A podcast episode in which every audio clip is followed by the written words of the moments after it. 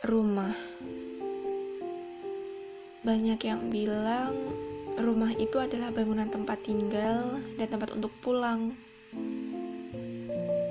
Kadang hangat, kadang dingin, dan kadang malah jadi alasan untuk pergi. Tapi sejauh apa pun kita pergi, kita tetap akan pulang, bukan? Belajar dari rumah. Kita bisa menjadi rumah, bukan rumah dalam artian bangunan beratap, tetapi seseorang yang menjadi tempat untuk pulang, yang meneduhkan dan menghangatkan.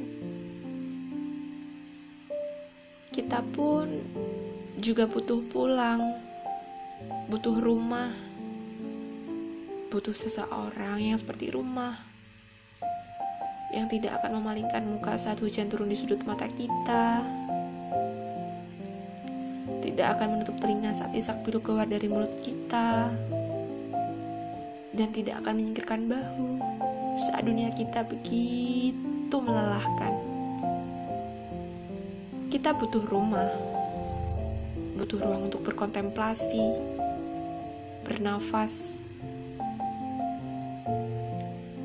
Kalau ditanya apa sih bagian paling menyenangkan dari pulang ke rumah, jawabannya adalah saat kita ngerasa capek, rumah akan selalu mengingatkan kalau sebentar lagi, sedikit lagi, kita akan pulang. Nggak akan ada lagi bersembunyi dan mencari. Yang ada hanya pulang dan istirahat tempat kita pulang, di mana lagi kalau bukan rumah for us to rest.